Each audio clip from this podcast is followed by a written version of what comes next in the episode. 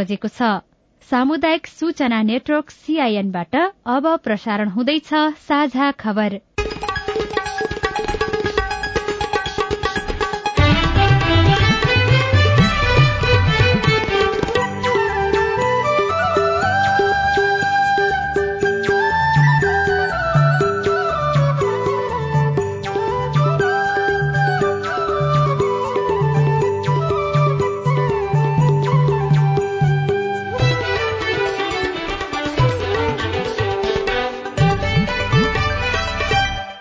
सीआईएनको साझा खबरबाट सोभिता रिसालको नमस्कार। साझा खबर देशभरिका सामुदायिक radio CIN Khabar dot com र मोबाइल एप सीआईएनमा पनि सुन्न सकिन्छ।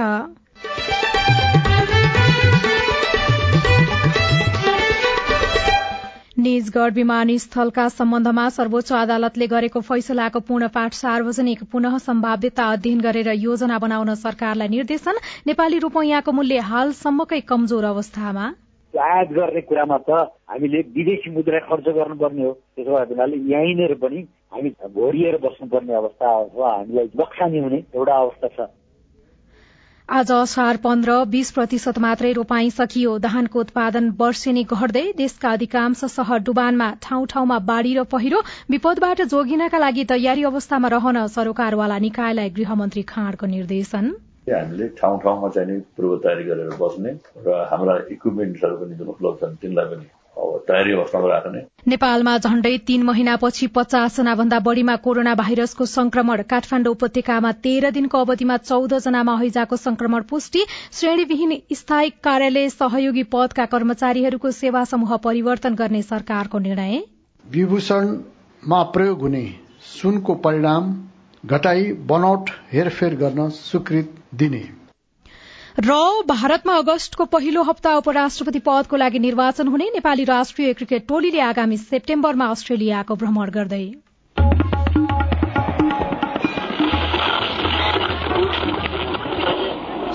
रेडियो।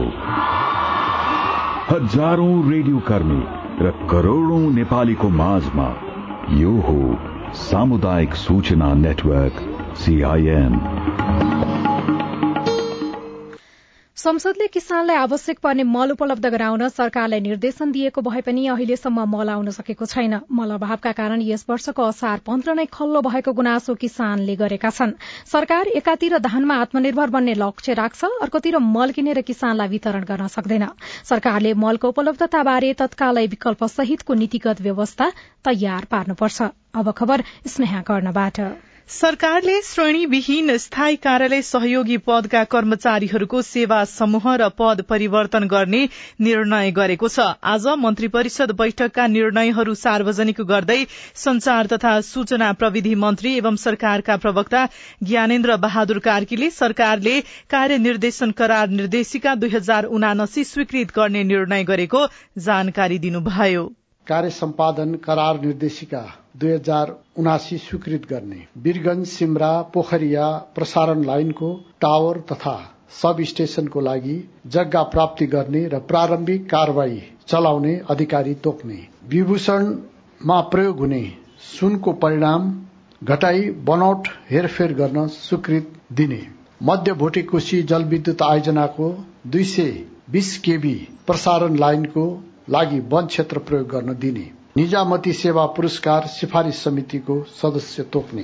श्रेणीविहीन स्थायी कार्यालय सहयोगी पदका कर्मचारीहरूको सेवा समूह र पद परिवर्तन गर्ने। सरकारले सशस्त्र प्रहरी दोस्रो संशोधन नियमावली दुई हजार उनासीको मस्यौदामाथि लोकसेवा आयोगको परामर्श लिने पनि निर्णय गरेको मन्त्री कार्कीले बताउनुभयो। निजगढ़ विमानस्थलका सम्बन्धमा सर्वोच्च अदालतले फैसलाको पूर्ण पाठ सार्वजनिक गरेको छ। आज प्रकाशित पूर्ण पाठमा सर्वोच्चले विमानस्थल निर्माणको सम्बन्धमा पुनः सम्भाव्यता अध्ययन गरेर योजना बनाउन सरकारलाई निर्देशन दिएको छ। विमानस्थल निर्माण गर्दा पर्यावरणमा न्यूनतम मात्रै क्षति हुने गरी आवश्यक भन्दा बढ़ी रूख नकाट्न र क्षेत्र प्रयोग नगर्न पनि निर्देशन दिइएको सर्वोच्चका प्रवक्ता विमल पौडेलले जानकारी दिनुभयो। तर सर्वोच्चको फैसलाको पूर्ण पाठमा बृहतपूर्ण इजलासका न्यायाधीश बीच विवाद बाँझिएको छ। निजगढ़ विमानस्थलमा सरकारले गरिरहेको काम रोक्ने गरी जेठ बाह्र गते सर्वोच्च अदालतबाट भएको आदेशमा पूर्ण इजलासमा रहेका पाँच जना न्यायाधीशहरू हरिकृष्ण कार्की विश्वम्बर प्रसाद श्रेष्ठ ईश्वर प्रसाद खतिवड़ा प्रकाशमान सिंह राउत र मनोज कुमार शर्माको इजलासमा न्यायाधीश द्वय कार्की र शर्माले फरक विचार राखेका छन्। उनीहरूले निजगढ़मा हाल प्रस्ताव गरिएको क्षेत्रको दक्षिणतर्फको सरकारी स्वामित्वको खाली जमीन र सोसँग जोडिएको व्यक्तिगत जग्गाहरूको समेतलाई जोडेर वा सो आसपासको वन क्षेत्र कम भएको अन्य स्थानको सम्भाव्यता अध्ययन गरी विमानस्थलको आधारभूत संरक्षणका लागि आवश्यक हुने क्षेत्रफल बराबरको जमीनको पहिचान विमानस्थल निर्माणलाई पहिलो प्राथमिकतामा दिन आदेश दिएका छनृ। नेपाली रूपैयाँको मूल्य हालसम्मकै कमजोर अवस्थामा पुगेको छ। नेपाल राष्ट्र ब्याङ्कले आजको लागि तोकेको डलरको बिक्री दर अनुसार अब एक डलर खरिद गर्न एक सय छब्बीस रूपैयाँ चौतिस पैसा नेपाली रूपैयाँ खर्च गर्नुपर्नेछ जुन हालसम्मकै नेपाली रूपैयाँको कमजोर अवस्था हो। उच्च मागका कारण अमेरिकी डलरको भाव महँगिएपछि नेपाली रूपैयाँ कमजोर बनेको हो। नेपाली रूपैयाँ कमजोर बन्दा त्यसले मुलुकको अर्थतन्त्रलाई कस्तो असर पार्छ? राष्ट्र ब्याङ्कका पूर्व गवर्नर डाक्टर दिपेन्द्र बहादुर छेत्रीले सीआईएनसँग कुराकानी गर्दै भन्नुभयो। हामीसँग पर्याप्त मात्रामा निर्यात गर्ने वस्तुहरू भइदिया भएपछि हामी हौसिलो हुन्छ। तर दुर्भाग्यवश हामीसँग निर्यात गर्ने वस्तुहरू धेरै कम छन् र नौ प्रतिशत मात्रै निर्यात हुँदो रहेछ कुल व्यापारमा। एकानब्बे प्रतिशत जस्तो हामीले बाहिरबाट आयात गरेका छौँ भनेपछि त्यो आयात गर्ने कुरामा त हामीले विदेशी मुद्रा खर्च गर्नुपर्ने हो। त्यसो भए हुनाले यहीँनिर पनि हामी घोरिएर बस्नुपर्ने अवस्था अथवा हामीलाई नोक्सानी हुने एउटा अवस्था छ। अनि दोस्रो कुरो के छ भन्नुहुन्छ भनेदेखि हामीले विदेशबाट ऋण ल्याएको छौँ। त्यो ऋण फिर्ता गर्नु पर्दाखेरि त विदेशी मुद्रामा तिर्नुपर्ने हुन्छ। थोरै रुपियाँले धेरै डलर लिइन्थ्यो भने अब त धेरै रुपियाँले थोरै डलर लिनुपर्ने अवस्था आएपछि त त्यो डलर चाहिँ महँगो भइदिएको कारणले गर्दाखेरि हामीलाई थप व्यवहार बढ्ने भयो। आज असार पन्ध्र गते अर्थात उन्नाइसौं राष्ट्रिय धान दिवस। धान रोपौं खाद्यान्नमा आत्मनिर्भर बनौं भन्ने नाराका साथ यो दिवस मनाइएको छ। तर पछिल्लो केही वर्ष यता धान रोपाई हुने क्षेत्रफल घट्दै गइरहेको छ। यस वर्ष असार पन्ध्रसम्म आइपुग्दा जम्मा बीस प्रतिशत क्षेत्रफलमा मात्रै धान रोपाई भएको कृषि विभागले जनाएको छ। गत वर्ष यो अवधिमा देशभर सत्ताइस दशमलव बाह्र प्रतिशत भूभागमा धान रोपाई सकिएको थियो। विभागका महानिर्देशक डाक्टर रेवती रमण पौडेलले सीआईएनसँग कुराकानी गर्दै भन्नुभयो। धान रोपाई नै मनसुनमा आधारित छ होइन?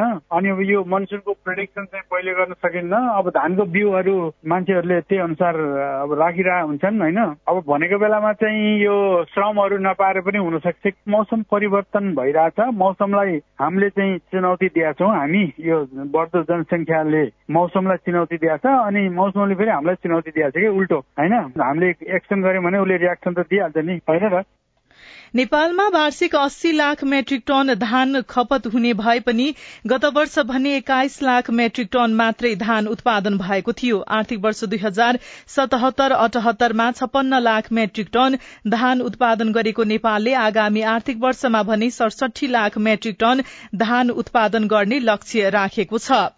भन्सार विभागको तथ्याङ्क अनुसार नेपालले चालू आर्थिक वर्षको दश महिनामा मात्रै पच्चीस लाख मेट्रिक टन चामल आयात गरेको छ भने सोही अवधिमा सत्र लाख मेट्रिक टन धान आयात गरेको छ।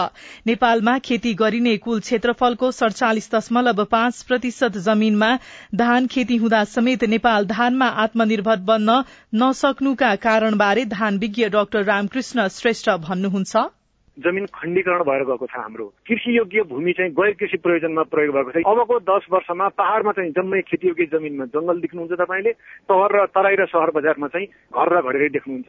यो खालको अवस्थासँग हामी जुधिरहेका छौँ। त्यस कारणले प्रत्येक वर्ष चाहिँ हाम्रो धान खेती हुने जग्गा घट्दै गएको छ। अर्को विषय भनेको चाहिँ जलवायु परिवर्तन। जो हामीले त्यति धेरै चर्चै गर्दैनौँ यो अन्तर्राष्ट्रिय अनुसन्धानले प्रमाणित गरिसकेको छ। धान र गहुँ जस्ता बालीहरू प्रत्यक्ष रूपमा यसको चपेटामा आउँछन्। वर्षै नै हुने हाम्रो जुन बाढी पहिरोको कारणले गर्दा लाखौं हाम्रो खेतीयोग्य जमिन धान खेत चाहिँ हाम्रो बगरमा परिणत भएको छ। यो अरू कारणहरू भयो। यसले गर्दाखेरि पनि उत्पादन बढाउन र आत्मनिर्भरता हुने जुन हाम्रो लक्ष्य थियो त्यसमा चाहिँ हामीलाई समस्या परेको धान रोपाईका लागि सबैभन्दा उत्तम समय असार पन्ध्रदेखि साउन पन्ध्रसम्मलाई मानिन्छ। नेपालमा झण्डै तीन महिनापछि पचासजना भन्दा बढ़ीमा कोरोना भाइरसको संक्रमण पुष्टि भएको छ।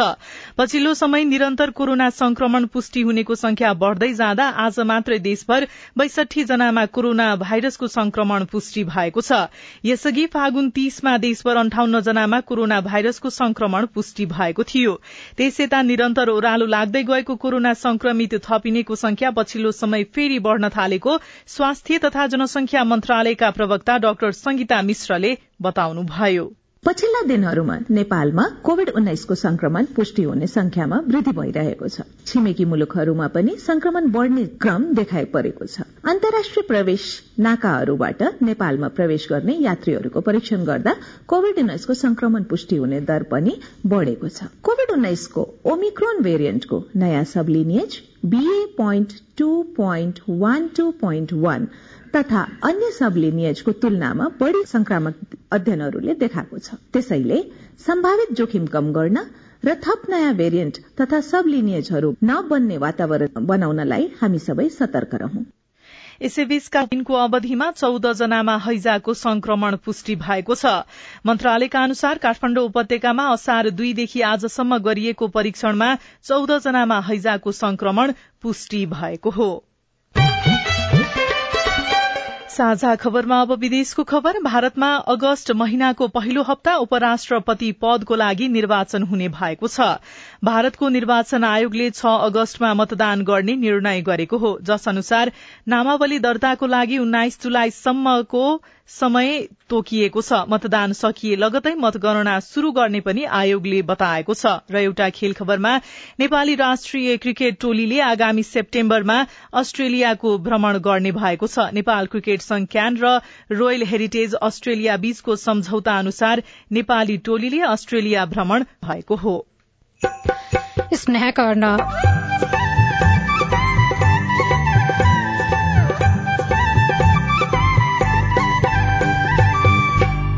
सरकारसँगको सहमति कार्यान्वयन नभएको वादी समुदायका नागरिकको गुनासो। केही पनि कार्यान्वयनमा आएन। नआइसकेपछि अब हामी फेरि फेरि तपाईँको जग्गामा जम्मा गरेर एउटा चाहिँ बालबालिकाको विषयमा फेरि एउटा सशक्त रूपको एउटा आन्दोलन हुन्छ त्यो वादी समुदायलाई घर बनाइदिने सरकारी योजना कहाँ पुग्यो? रिपोर्ट। देशका अधिकांश शहर डुबानमा शहर डुबानमा पर्नुको कारण र रोकथामको उपाय लगायतका विशेष सामग्री बाँकी नै छ। सीआईएनको साझा खबर सुन्दै गर्नुहोला। बाहिरी जिल्लाबाट पनि मतदाता नामावलीमा नाम दर्ता हुने सम्बन्धी निर्वाचन आयोगको अनुरोध। आगामी प्रतिनिधि सभा तथा प्रदेश सभा सदस्य निर्वाचनलाई दृष्टिगत गरी आयोगले यही दुई हजार उनासी साल असार एक गतेदेखि मतदाता नामावली संकलन तथा अध्यावधि कार्यक्रम सञ्चालन गरिरहेको छ। यस कार्यक्रम अन्तर्गत पेसा व्यवसायको कारणले कुनै एक जिल्लामा बसोबास गरिरहेको तर आफ्नो स्थायी ठेगाना अर्को जिल्लामा रहेको भए त्यस्तो व्यक्तिले नाम दर्ता सहित आफू रहेको जिल्लाको निर्वाचन कार्यालयमा निवेदन दिएमा त्यस्तो मतदाताको नाम निजको स्थायी ठेगानामा रहने गरी बाहिरी जिल्ला मतदाता दर्ता कार्यक्रम सञ्चालन भइरहेको बेहोरा आयोग सम्बन्धित सबैमा अनुरोध गर्दछ। निर्वाचन आयोग नेपाल।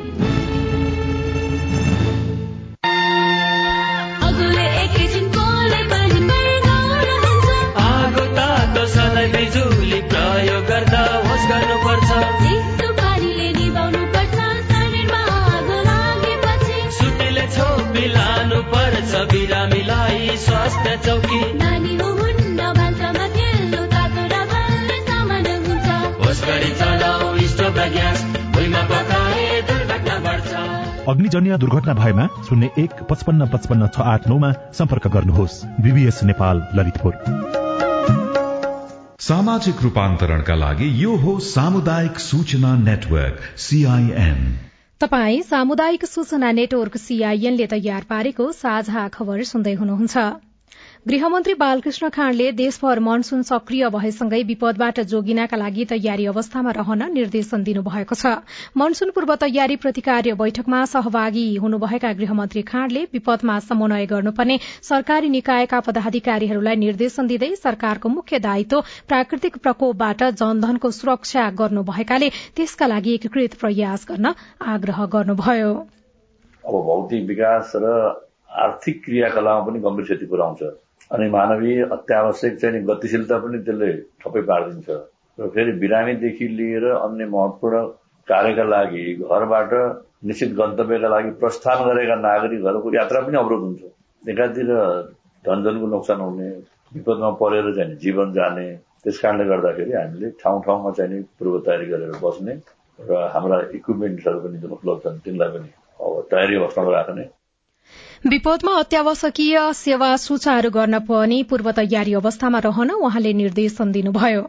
देशभर पानी परेका कारण आज र भोलि कन्काई कमला बागमती पूर्व राप्ती तिनाउ पश्चिम राप्ती बबई नारायणी सेती कालीगण्डकी र मादी नदीमा पानीको बहाव सतर्कता तह आसपास पुग्न सक्ने भएकाले मध्य प्रदेश लगायत तराईका साना नदी तटीय क्षेत्रमा पूर्व तयारीमा जुट्न बाढ़ी पूर्वानुमान महाशाखाले अनुरोध गरेको छ।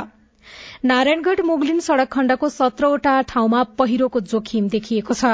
सड़क पुननिर्माणको काम सकिएको भए पनि वर्षा शुरू भएसँगै यो सड़क खण्ड पहिरोको जोखिममा परेको हो। यस वर्षको मनसून शुरू भए यता मात्रै यो सड़क खण्डको सात ठाउँमा साना ठूला पहिरो खसिसकेको छ। डिभिजन सड़क कार्यालय भरतपुरका अनुसार चार किलो नाम्सी पुल तीन नम्बर पुल छब्बीस किलो बीस किलो पन्ध्र किलो जुगेडी बजार नजिकैको कविला साने बाटो उच्च जोखिममा देखिएको छ। यस्तै सेती दोभान कालीखोला सिमलताल लगायतका दसवटा ठाउँमा जोखिममा रहेको डिभिजन सड़क कार्यालय भरतपुरका इन्जिनियर सागर कार्कीले सीआईएनसँग बताउनुभयो। कर्णाली प्रदेशभरमा वादी समुदायको जनसंख्या पाँच हजार छ सय रहेको छ। जसमध्ये बाह्र सय भन्दा धेरै सुर्खेतमा मात्रै रहेका छन्। उनीहरूले आफ्नो उचित बसोबासको व्यवस्था गरिदिन सिप अनुसारको रोजगारी र सिप नभएकालाई सिप युक्त तालिम दिन माग गर्दै आएका छन्। यसअघि दुई हजार सतहत्तर फागुनमा प्रदेश सरकार र वादी समुदायका नागरिक बीचमा उनीहरूको समस्या समाधान गर्न पाँच बुधे सम्झौता भएको थियो। तर वादी समुदायको उत्थानको लागि भएको यो सम्झौता कार्यान्वयन भएको छैन। सहमति कार्यान्वयनमा वादी समुदाय र प्रदेश सरकार दुवै पक्षले चासो देखाएका छैनन्। गत वर्ष आफूहरूलाई घाँस बाँस र कपास तथा खेतीयोग्य जमीन शिक्षा स्वास्थ्य रोजगारी लगायत दिनुपर्ने माग गर्दै प्रदेश राजधानी वीरेन्द्रनगरमा आएर वादी समुदायका नागरिकले आन्दोलन गरेका थिए। निरन्तर रूपमा अठार दिनसम्म धरना बसेपछि वादी समुदायको माग सम्बोधन गर्न प्रदेश सरकार तयार भएको थियो। तर दुई पक्ष बीचमा सम्झौता भएको सोह्र महिना बितिसक्दा समेत कार्यान्वयनको प्रक्रिया अघि बढ्न सकेको छैन। संघर्ष समितिका संयोजक हिकमत बादी। सोह्र महिना बित्दा पनि तपाईँको केही पनि कार्यान्वयनमा आएन। नआइसकेपछि अब हामी फेरि फेरि तपाईँको जनालाई जम्मा गरेर एक एउटा चाहिँ बाल बालिकाको विषयमा फेरि एउटा सशक्त रूपको एउटा आन्दोलन हुन्छ सम्झौतामा प्रदेश सरकारको तर्फबाट भूमि व्यवस्था कृषि तथा सहकारी मन्त्रालयका तत्कालीन सचिव राजेन्द्र मिश्र र आन्दोलनकर्ताको तर्फबाट वादी संघर्ष समितिका संयोजक हिकमत बादीले हस्ता हस्ताक्षर गरेका थिए। सम्झौतामा कर्णाली प्रदेशमा रहेका वादी समुदायको उत्थान र विकासका लागि दुई महिनाभित्र यथार्थपरक प्रतिवेदन पेश गर्न प्रदेश सरकारले तीन सदस्यीय कार्यदल समेत गठन गर्ने नाना खाना र छाना कार्यक्रम अन्तर्गत वादी समुदायलाई यही आर्थिक वर्षमा थप कार्यक्रम सञ्चालन गर्ने उल्लेख छ। यस्तै नीति तथा कार्यक्रममा यो समुदायको लागि शिक्षा स्वास्थ्य रोजगारी कला संस्कृति सिपमूलक तालिम तथा आय आर्जनका विषयहरू समावेश गर्ने र वादी समुदायका युवा व्यवसायीहरूलाई सिपमूलक तालिम तथा घुम्ती कोष खड़ा गरी दस लाख रूपियाँसम्मको ऋण ब्याज अनुदानको व्यवस्था गर्ने लगायतका विषय उल्लेख गरिएका थिए। भएका सहमति कार्यान्वयनमा किन ढिलाइ? सामाजिक विकास मन्त्री यज्ञ बहादुर बुढाको जवाब यस्तो छ। राजनीतिक परिवेश सरकार पुनर्गठन उताप चढावका कारणले उहाँहरूका मागहरू पूरा भएको जस्तो मलाई लाग्दैन। अब मेरो यो मन्त्रालय सामाजिक विकास मन्त्रालयको वास्तविक लोक उन्मुख समुदायको लागि अठहत्तर उनासीमा तय गरेको कार्यक्रम विधिवत ढङ्गबाट नीतिगत ढङ्गबाट अगाडि बढाउने सवालमा हामीले त्यो कार्यान्वयन गर्ने पक्षमा कार्यान्वयन निर्देशिका कार्य समयमै तयार गर्न नसकेको कारणले भएको हो। संविधानको धारा चालिसमा रहेको दलित हक सम्बन्धी व्यवस्थाले राज्यले भूमिहीन दलितलाई कानून बमोजिम भूमि उपलब्ध गराउने उल्लेख भए पनि यही धाराको जगमा रहेर भएको सम्झौता कार्यान्वयनमा भने ढिलाइ भइरहेको छ। Tekraj KC CIN Jagaran FM Surkhet. साझा खबरमा अब हेलो सीआईएन सजना तिमल सिन्हाबाट सीआईएनमा किसान सूचीकरणको खबर सुनेपछि गोर्खाबाट नाम उल्लेख नगरिकनै एउटा जिज्ञासा आएको छ। मेरो घर गोर्खा जिल्ला गोर्खा नगरपालिका वार्ड नम्बर पाँचको पर्छ म किसान हो। नेपाल सरकारले किसान सूचीकरण गर्ने भन्ने कुरो खबरमा सुन्नमा आयो। त्यसरी हामी स्थानीय तहमा जाने हो कि स्थानीय तहबाट गाउँघरमा आएर हामीले सूचीकरण गर्नेछन्। तपाईँको जिज्ञासा मेटाइदिनका लागि हामीले कृषि तथा पशुपन्छी विकास मन्त्रालयका प्रवक्ता प्रकाश कुमार सञ्जेलाई अनुरोध गरेका छौं। मुलुकका चाहिँ आधा भन्दा बढी स्थानीय तहमा संकलन कार्यहरू चलिरहेको छ कहीँ त सम्पन्न पनि भइसकेको। त्यसकारण यहाँहरू जानु पर्दैन। तर यदि उहाँहरू आफै पनि यो प्रणालीसँग जानकार हुनुहुन्छ यहाँ तोकिएको विधि अनुसार आफै प्रविष्ट गरेर स्थानीय तहमा त्यो सिस्टममा पनि इन्ट्री गर्न सकिन्छ र पछि त्यो स्थानीय तहले विवरणहरू हेरेर यकिन गरिसकेपछि त्यसलाई प्रमाणीकरण गर्ने र क्रमशः उहाँहरूको आफ्नो नीतिगत व्यवस्था अनुसार परिचय पत्र जारी गर्दै कार्यक्रम आबद्ध गर्ने सकिन्छ। मेरो नाम सन्तोष कर्ण हो। मेरो घर जलेश्वर नगरपालिका दुई नम्बर वार्डमा पर्छ। मेरो प्रश्न शिक्षा मन्त्रालयसँग रहेको छ निजी विद्यालयहरूले जुन आफ्नो ड्रेस लगाउँदा vest track belt tie jersey इत्यादि कुराहरूमा तिन चार गुणा भन्दा बढी मूल्य बढाई मनपर्दो ढङ्गबाट बेच्ने गर्छ। यसको अनुगमन किन हुँदैन? जवाफ दिँदै हुनुहुन्छ शिक्षा विज्ञान तथा प्रविधि मन्त्रालयका प्रवक्ता दीपक शर्मा। अब तपाईँले भनेको चाहिँ त्यस्तो गुनासो भने तपाईँले पालिकामा राख्ने पालिकाले हेर्ने विषय सबै पालिकाले स्वीकृति दिनुपर्छ। तीदेखि कति कति पैसा दिने कति कति पैसा उठाउने कति लिने कति नदिने भन्ने कुराहरू चाहिँ अब अहिले चाहिँ तपाईँको स्कुल रहेको गाउँपालिका वा नगरपालिकाले हेर्ने विषय भएको हुनाले त्यहीँ तपाईँले त्यो आफ्नो गुनासो राख्नु होला नमस्कार म बजरा जिल्ला जगन्नाथ गाउँपालिका वार्ड नम्बर चारबाट सुरेश राला हाम्रो गाउँपालिकामा हालसम्म पनि एम्बुलेन्स सेवा सुचारू भएको छैन। बिरामीहरूलाई पुरानै अवस्थामा डोकोमा बोकेर लानुपर्ने अवस्था छ। यसको लागि तत्काल के हुन्छ सम्बन्धित निकायबाट यसको उत्तर खोज्नु धन्यवाद। तपाईँको गुनासो सुनेपछि जगन्नाथ गाउँपालिकाका प्रमुख कालीबहादुर शाहीको जवाब छ। यो वर्षको बजेटमा एम्बुलेन्सको खरिदको पैसाको व्यवस्था भएको छ। अबको छ महिनामै एम्बुलेन्स उठ्छ जगन्नाथ गाउँपालिकामा तपाईँ जुनसुकै बेला हाम्रो टेलिफोन नम्बर शून्य एक बान्न साठी छ चार छमा फोन गरेर आफ्नो प्रश्न जिज्ञासा गुनासा अनि समस्या रेकर्ड गर्न सक्नुहुनेछ। तपाई सामुदायिक सूचना नेटवर्क सीआईएनले काठमाण्डुमा तयार पारेको साझा खबर सुन्दै हुनुहुन्छ। निरन्तरको झरीले देशभरका अधिकांश शहर डुबानमा। अस्ति नै दुई तिन दिनपल्ट आइसक्यो भलभरि आएकै छ पानी पर ठुलो पानी पऱ्यो भने भलभरि आउँछ। माथि माथि आएर भित्रभित्र पस्छ नि पानी त्यतिर यतातिर पस्छ। डुब्ने गरी आउँछ माथितिर आयो। मानवीय र भौतिक क्षतिको डर रिपोर्ट सहर डुबानमा पर्नुको कारण र रोकथामको उपाय लगायतका सामग्री बाँकी नै छ सीआईएनको साझा खबर सुन्दै गर्नुहोला। नेपाल टेलिकमको सूचनाको संसार। होइन के सुनेको यस्तो ध्यान दिएर दोहोरो बोलेको जस्तो नि देख्दिन। तीन दुई एक शून्य शून्य क्या? तीन दुई एक शून्य शून्य? के हो त्यो भने? बुझिन त। ल सुन एनटिसी प्रयोगकर्ताहरूले आफ्नो मोबाइल तथा ल्यान्डलाइनमा तीन दुई एक शून्य शून्य डायल गरी समाचार रेडियो कार्यक्रम खेल र अन्य विषयबारे सन्देशहरू जुनसुकै बेला निशुल्क सुन्न सक्छन्। ओहो निशुल्क? कस्तो सजिलो। समाचार सुन्न छुट्यो भनेर पिर लागेको थियो। अब त म पनि सुनिहाल्छु। कति रे? तीन दुई एक शून्य शून्य। सामाजिक रूपान्तरणका लागि यो हो सामुदायिक सूचना नेटवर्क सीआईएन तपाई सामुदायिक सूचना नेटवर्क सीआईएनले काठमाण्डुमा तयार पारेको साझा खबर सुन्दै हुनुहुन्छ। हिजोदेखि निरन्तर रूपमा परेको झरीका कारण देशका अधिकांश शहर डुबानमा परेको छ। अव्यवस्थित शहरीकरण ढलको उचित व्यवस्थापन नहुने खोला छेउमा घर बनाउने घर बनाउँदा विपद बारे पूर्व अध्ययन र तयारी नगर्ने जस्ता कारणले खोलाहरू शहरमा छिर्ने गरेका छन् जसका कारण मानवीय र भौतिक क्षति हुन छोडेको छैन। शहर डुबानमा पर्नुको कारण र यसको रोकथामको उपाय के हुन सक्ला? काठमाण्डुको बौद्ध सड़क व्यस्त मध्येको एकमा पर्छ। यो सड़कलाई दुई वर्ष अघि मात्रै विस्तार गरी चार लेनको बनाइएको थियो। एकैछिन पानी परेपछि सड़कमा भल बग्न थाल्छ। निकासीको ठाउँ नभएपछि भल पस्छ स्थानीयको घरमा। स्थानीय रमेश कार्की र मजमत अली अन्सारी। यहाँ एकदम भेलवाडी आइरहेको छ। अस्ति नै दुई तिन दिनपल्ट आइसक्यो भलभरि आएकै छ पानी पर ठुलो पानी पऱ्यो भने भलभरि आउँछ। माथि माथि आएर भित्रभित्र पस्छ नि पानी त्यतिर यतातिर पस्छ। डुब्ने गरी आउँछ माथितिर आयो। पानी भेला आएपछि भित्र पस्ने हुन्छ। माथि बिलसम्म पुरै पानी आउँछ पसलभित्र पानी छिर्छ। समस्या धेरै छ। अब पानी बग्ने ठाउँ नभएर त होला नि अब बाटोभरि पुरै पानी बग्ने भनेको। पानीको निकास छैन त्यही भएर पानी यहाँबाट चाहिँ अब उता नयाँ बस्तीतिर जान्छ। दुई तीन दिनसम्म निरन्तर पानी पर्ने हो भने भक्तपुर भित्रका बजारहरू जलमग्न हुने गरेका छन् जसबाट करोड़ौंको आर्थिक क्षति हुने गरेको छ। ठूलो वर्षा हुने हो भने देवचुली नवलपुरका बजारका घरहरू पनि एकै दिनमा डुबानमा पर्छन्।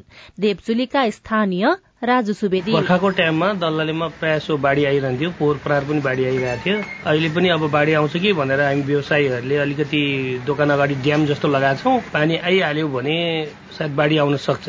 त्यस कारणले गर्दा अलिकति व्यवसायहरू सचेत भएको छन् बर्खाको समयमा तराईका अधिकांश क्षेत्र डुब्ने गरेको छ। विराटनगर महानगरपालिकाका वड़ाहरू हिजोदेखि नै जलमग्न छन्।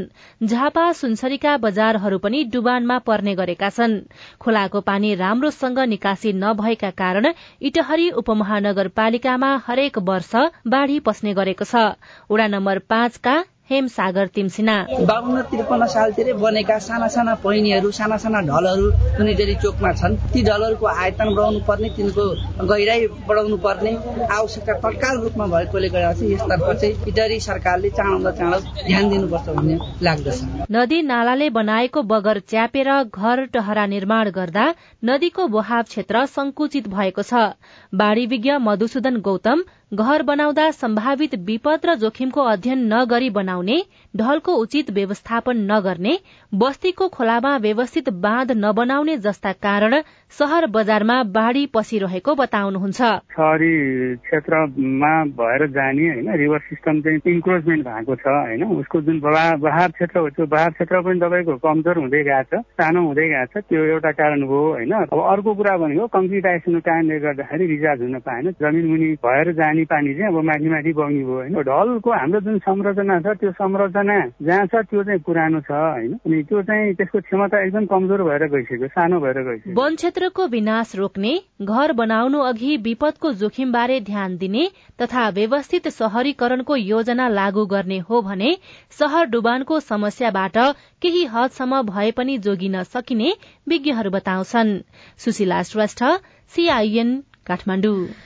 राष्ट्रिय विपद जोखिम न्यूनीकरण तथा व्यवस्थापन प्राधिकरणका अनुसार बाढ़ीकै कारण गत वर्ष उन्तिस जनाको मृत्यु भएको थियो। यस्तै डुबानबाट वर्षेनी हजारौं नागरिक प्रभावित हुने गरेका छन्। नदी तटीय क्षेत्रमा बसोबास गर्ने तथा विभिन्न स्थानमा भारतीय पक्षले निर्माण गरेको बाँधका कारण पनि तराईका जिल्लाहरू वर्षेनी डुबानमा पर्ने गरेका छन्। नेपालमा बाढ़ीजन्य क्षतिको मुख्य कारण र सावधानीबारे साथी अविनाश आचार्यले त्रिभुवन विश्वविद्यालयको इन्जिनियरिङ अध्ययन संस्थान विपद अध्ययन केन्द्रका उपनिर्देशक डाक्टर वसन्तराज अधिकारीसँग कुराकानी गर्नुभएको छ।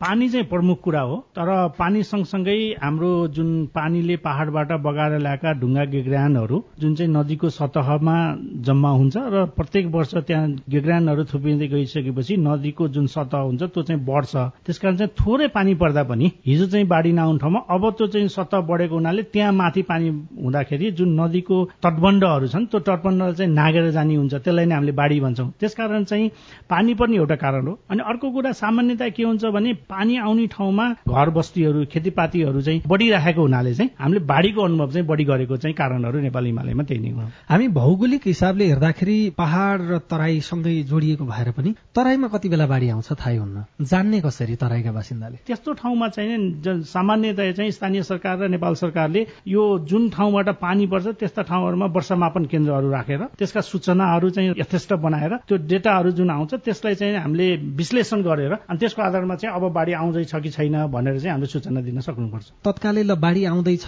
भनेर एउटा सिङ्गो बर्खायाममा घर छाडेर बाहिर गएर बस्न पनि उनीहरूको सामर्थ्य हुँदैन। त्यो बेलामा चाहिँ बाढीसँग कसरी सतर्क हुने? खोलाको नजिकमा तपाईँको सतहमै तपाईँले घर बनाउनु भएको छ भने अलिकति उच्च बनाएर बनाउन सकिन्छ पहिलो कुरो। दोस्रो कुरो चाहिँ यदि उच्च बनाउँदा बनाउँदा पनि कहिलेकाहीँ त्यो नचिताको बाढी आउन सक्छ त्यस्तो बेलामा चाहिँ त्यहाँ अलिक उच्च बाघहरू हुन्छन् अथवा चाहिँ उच्च ठाउँहरू बनाउनु पर्यो। त्यस्तो ठाउँमा जाने। अर्को कुरा चाहिँ नै तपाईँको सामान्यतया बाढी आउँदाखेरि पहिला केही सूचनाहरू हुन्छन्। एकदमै धेरै पानी पर्ने खोलामा चाहिँ एकदमै गडगडाट आवाजहरू आउने त्यसपछि चाहिँ ढुङ्गा मोडाहरू चाहिँ बगाएर आउने हो। त्यस्तो आयो भने अब चाहिँ बाढी आउँदैछ भनेर आफू सतर्क भएर जुन सुरक्षित ठाउँ पहिला नै आफूले पत्ता लगाइसकेको हुन्छ त्यतातिर जानुपर्छ। तराईमा चाहिँ विशेष गरी बाढीलाई केहीले दाउरा छोप्ने त्यो किसिमले पनि मानिसहरूले उपयोग गरिराखेको पाइन्छ र त्यही क्रममा धेरै दुर्घटना हुन्छन् भने कुन हदमा चाहिँ पानीसँग डराउनुपर्छ? तपाईँले पौडी खेल्न जान्नुहुन्छ भने यदि पानी चाहिँ धमिलो छैन त्यस्तो ठाउँमा चाहिँ पानीको जर माथिबाट आएको सतह चाहिँ राम्रोसँग बगिरहेको देखिन्छ र तपाईँले चाहिँ कुन स्पिडमा पानी आइरहेछ भन्ने कुरो पत्लाउन सक्नुहुन्छ र तपाईँ पौडी खेल्न सक्नुहुन्छ अभ्यस्त हुनुहुन्छ भने पानीसँग खेल्न सकिन्छ। तर बर्खा सिजनमा जहाँ पानी धमिलो आइरहेछ ढुङ्गा मुढाहरू बगार लिएर आएको छ भने त्यस्तो ठाउँमा खेल्नु हुँदैन त्यसले चाहिँ ज्यान लान्छ। निजगढ़ विमानस्थलका सम्बन्धमा सर्वोच्च अदालतले गरेको फैसलाको पुनः पाठ सार्वजनिक भएको छ। पुनः सम्भाव्यता अध्ययन गरेर योजना बनाउन सरकारलाई सर्वोच्चले निर्देशन दिएको छ। नेपाली रूपैयाँको मूल्य हालसम्मकै कमजोर अवस्थामा पुगेको छ। आज असार पन्ध्र धान दिवस मनाइएको छ। देशभर बीस प्रतिशत मात्रै रोपाई सकिएको छ। धानको उत्पादन वर्षेनी घट्दै जाँदा धानमा आत्मनिर्भर बन्ने सरकारी लक्ष्य पूरा नहुने देखिएको छ। र नेपालमा झण्डै तीन महिनापछि पचास जना भन्दा बढ़ीमा कोरोना भाइरसको संक्रमण देखिएको छ। सतर्क रहन र स्वास्थ्य मापदण्ड पालना गर्न सरकारले अनुरोध गरेको छ। हवस् त आजलाई साझा खबरको समय सकियो। प्राविधिक साथी सुनिल राज भारतलाई धन्यवाद। भोलि असार सोह्र गते बिहान छ बजेको साझा खबरमा फेरि भेटौँला। अहिलेलाई सोभितारी साल पनि विदा हुन्छु। नमस्कार शुभरात्री।